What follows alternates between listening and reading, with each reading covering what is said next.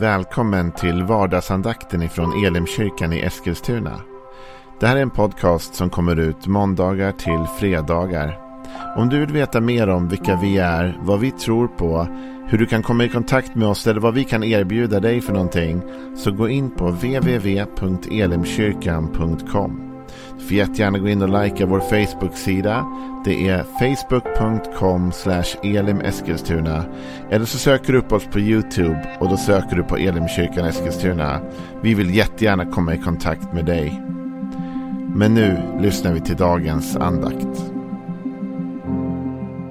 Välkommen till vardagsandakten. Det är måndag, en ny vecka på återigen som man säger. Eh, vad roligt att du har tagit några minuter av din dag för att lyssna till den här andakten och ta del av några tankar om Guds ord och om hur det kan få påverka och bli en del av ditt och mitt liv. Vi har hållit på en hel del med att tala om en profetia som Jesaja hade till Israels folk. Eh, men som vi tänker är applicerbar även på våra liv. Och den här eh, profetian den, den talar om en ofruktsam kvinna. Och det är egentligen då inte en ofruktsam kvinna utan det är egentligen ett ofruktsamt folk, Israel. Som inte lyckas göra det de ska göra eller föda liv. Och i den vers vi ska tala om idag så vill jag tala om någonting som jag tror är viktigt för att komma vidare. För Gud han talar till det här folket om att de ska börja planera för nya saker. De ska bygga ut, de ska göra större, de ska våga tro för saker och ting. Men för att du och jag ska kunna våga ta de där stegen i tro i vårt liv och liksom spänna ut våra tältdukar och ta oss ännu längre. Så är det en sak som jag tror kan bli ett hinder och ofta är ett hinder i våra liv. Ska vi läsa om det tillsammans du och jag?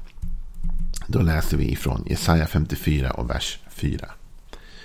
Var inte rädd, för du ska inte behöva skämmas. Och var inte blyg, för du ska inte bli förödmjukad. Nej, du ska glömma din ungdoms skam och din enketids förakt. Ska du inte minnas mer. Vi tar det igen. Framförallt slutklämmen här då. Nej, du ska glömma din ungdomsskam och din enketids förakt ska du inte minnas mer. Historien, våra minnen, framförallt de minnen som kanske har att göra med skam och skuld och förakt. De håller oss ofta tillbaka. Om vi tänker att vi skulle ta steg i tro framåt i livet så kan en av de saker som, gör, som hindrar oss på vägen från att göra det var just att vi, vi kommer ihåg att vi har skämts över saker. Vi kommer ihåg att vi har blivit förödmjukade. Vi kommer ihåg skam. Vi kommer ihåg förakt som vi har mött. Och så blir det liksom ett hinder för oss. Va? Vi vill inte känna de känslorna igen. Vi vill inte uppleva det där igen. Så istället för att våga, istället för att satsa så håller vårt förflutna oss fast i nuet. Fastän Gud har tankar och Gud har planer om att du och jag vi ska ta oss till nästa nivå. Vi ska vidare i livet. Vi har mer att göra och mer att uträtta. Så blir det liksom ändå så att vår historia håller oss tillbaka. Ja, men vad kan man göra åt det? Finns det något att göra åt det? Jo, men jag tror att det finns någonting du och jag kan göra. Här står det ju att vi ska glömma vår ungdomsskam och vår enketidsförakt. Det är inte så lätt att glömma och att inte längre minnas. Men kanske några nycklar kan vi finna. Det finns ju en man i Bibeln som heter Paulus. Paulus är en fantastisk man. Han har ju skrivit nästan alla breven, inte riktigt men nästan. Han har skrivit liksom den större delen av hela Nya Testamentet. Han var ju den som verkligen åkte runt och blev och, och vittnade för hedningarna och, och nådde ut med evangeliet på ett fantastiskt sätt. Men hans historia var inte bra. Innan Paulus blev Paulus så hette han ju Saul. Och det kanske du som har läst din bibel känner igen. Och om du inte är så bibelvan så får du veta det nu. Han hette Saul. Och Saul han var en, en djupt troende jude. Och han förföljde de kristna. Han tyckte inte alls att det här var bra. Han förföljde dem så till den grad att han jagade dem, såg till att de hamnade i fängelse, till och med stod med när några av dem stenades till döds. Paulus måste ju ha burit på skamkänslor, skuldkänslor när han sen fick möta Jesus och när han liksom kunde se hur fel allt hade varit. Och när Gud sen kallar honom ut att börja predika evangeliet och börja liksom vara en av dem som skulle påverka världshistorien med evangeliet. Så måste han ha känt, jag är inte rätt man för det här. Alltså mitt track record är inte bra. Och han måste ha brottats med det här. Och vi ser faktiskt i hans brev att han vid flera tillfällen känner att han brottas med det. Han säger vid något tillfälle att han är den minsta av alla apostlar. För att han har förföljt Guds församling. Men han, hur, hur tar han sig då ändå vidare? Hur kommer han förbi sin ungdoms skam? Jo, han har några saker att säga till oss där. Från Filipperbrevet kan vi läsa i det tredje kapitlet och den tolfte versen att Paulus säger Inte så att jag redan har gripit eller nått målet. Men jag jagar efter att gripa det eftersom jag själv är gripen av Kristus Jesus. Bröder, jag menar inte att jag har gripit det än. Men ett gör jag. Jag glömmer det som ligger bakom och sträcker mig mot det som ligger framför. Och jagar mot målet för att vinna segerpriset. Guds kallelse till himmelen i Kristus Jesus. Så bör vi tänka, vi som är mogna. Jag glömmer det som ligger bakom, säger Paulus, och sträcker mig mot det som ligger framför. Och jagar mot målet för att vinna segerpriset. Det finns två saker Paulus gör samtidigt och jag tror att det är bra att de sker samtidigt. Det ena är att han glömmer det som ligger bakom. Och hur gör han då det? Jo, dels ett aktivt val att, in, val att inte fokusera på det. Men han gör det också genom att sträcka sig mot det som ligger framför. Alltså, och jaga mot målet sen. När man jagar mot ett mål då har man ju allt fokus på det, eller hur? Så det handlar om att skifta fokus från det som har varit till det som ska komma. Att faktiskt inte ägna all sin energi, sin tid, sin ork åt det som har varit. Och inte heller åt det som är. Utan faktiskt att börja jaga framåt. Att börja dra ut tältdukarna och slå ner pluggarna. Som Jesaja tidigare har sagt. Alltså att börja ha ett annat fokus. Det är på det sättet som vi kan skifta från skammen till framtiden. Från det som har varit och hållit oss tillbaka till det som ska lyfta oss upp och ta oss vidare. Så vi måste skifta vårt fokus genom att glömma det som har varit. Du och jag kan inte gå och tänka på allt det negativa och jobbiga som har varit. Om vi samtidigt vill ta in de nya områden Gud har tänkt att vi ska ta in. Och det handlar inte om att ignorera sånt som har varit svårt. Och det handlar inte om att inte ta ansvar för det som har varit. Men det handlar om att inse att jag kan inte komma dit dit Gud vill ha mig. Om jag samtidigt ska hålla fast vid det som har varit. Vid all den skam, vid all den skuld, vid all den smärlek jag har känt. Utan jag måste våga ta en ny riktning i livet. Det finns en god insikt när man ska släppa skammen, tror jag. som David ger oss. Någonting som kan hjälpa dig och mig att faktiskt våga lämna våra fel bakom oss och gå vidare. I psalm 106 så talar David bland annat om sina förfäder och det som har varit. Eh, om uttåget ur eh, Egypten bland annat. Och då säger han så här i Psaltaren 106 och vers 6. Vi har syndat som våra fäder. Vi har gjort fel och vi har varit ogudaktiga. Så säger David. Vi har syndat som våra fäder och vi har gjort fel och vi har varit ogudaktiga. Vet du, det här säger inte David, jag har syndat som min far. Han säger inte heller att jag har gjort fel eller att jag har varit ogudaktig. Han säger vi. Vi har syndat som våra fäder. Och vi har gjort fel och vi har varit ogudaktiga. Vet du om att alla människor har misslyckats? Bibeln talar om det som att alla människor har syndat och gått miste om härligheten från Gud. Det innebär att även om det finns skam i ditt förflutna och i mitt förflutna, saker som vi ångrar att vi gjorde eller att det blev som det blev. Så har alla människor det i sitt bagage.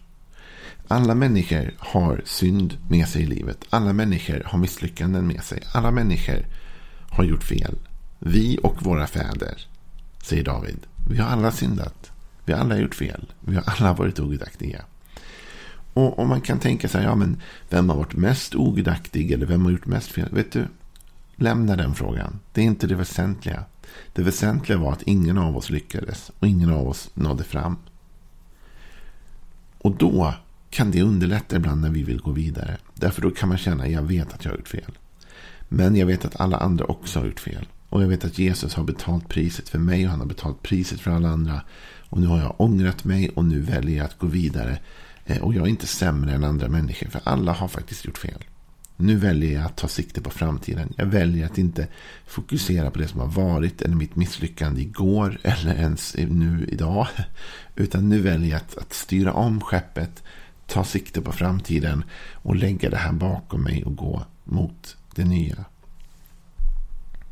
I Jesaja så talar Gud om det här med synden, du vet. Och han säger i Jesaja 43 och vers 25 så här. Säger Gud, jag är den som utplånar dina brott för min egen skull. Dina synder minns jag inte mer. Jag är den som utplånar dina brott för min egen skull. Och dina synder minns jag inte mer. Varför utplånar Gud dina och mina synder? Han gör ju det genom Jesu död på korset. Så betalar han priset för din och min synd.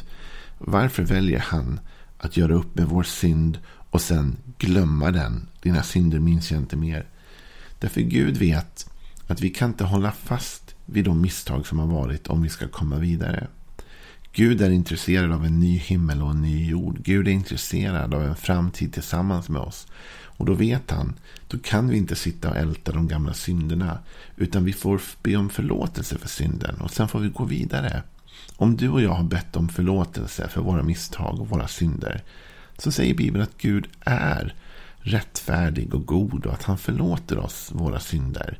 Och sen säger till och med Gud här, Jesaja, att han ska inte ens komma ihåg dem längre eller minnas dem. Han ska helt välja att inte se på dem.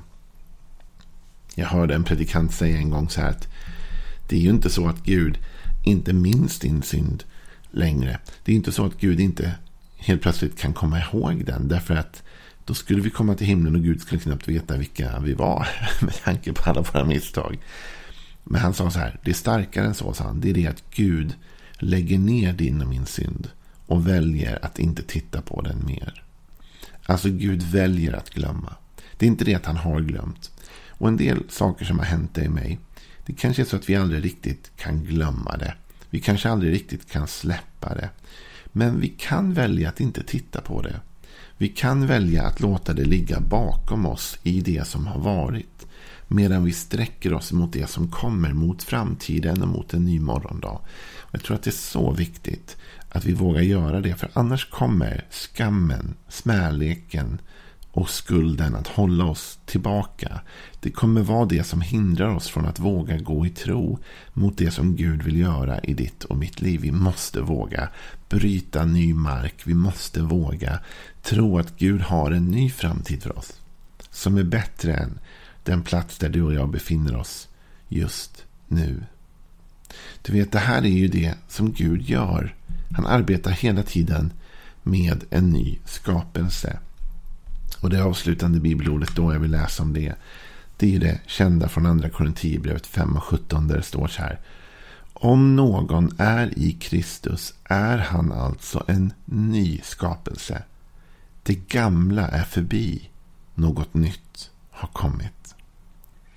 Vilken oerhört befriande vers, tycker du inte det? Det gamla är förbi. Något nytt har kommit. Det nya har nu ersatt det som har varit. Så om någon är i Kristus. Och det är ju det som är grejen. va? Att du och jag måste vara i Kristus för att få förlåtelse för våra synder. Vi måste vara i Kristus för att kunna försona och sona det som har varit. Men om vi är i Kristus. Vi har tagit emot honom. Vi har bett om förlåtelse och vi har upplevt att han har förlåtit oss. Och han har betalt priset för oss. Då kan vi lägga det gamla bakom oss och sträcka oss mot det som är nu, som kommer framöver. Och det innebär inte att historien helt plötsligt försvinner. Det innebär inte att den magiskt utrotas. Utan den finns där. Men vi behöver inte välja att fokusera på den. Vi behöver inte jaga efter det som har varit. Nej, Paulus sa. Vi sträcker oss efter och jagar efter det som ska komma. Efter det som ligger framför oss. Så vi går tillbaks till Jesaja. Till det vi läste i början från Jesaja 54. Och vi läser de här orden igen. Där det står. Nej, du ska glömma din ungdomsskam. Och din enketidsförakt ska du inte minnas mer. Låt det vara en uppmaning från Gud in i ditt liv idag. Glöm ungdomens skam, enketidens förakt. Det är en ny tid nu. Vi sträcker oss efter det som ska komma. Ha en riktigt välsignad måndag. Hej då.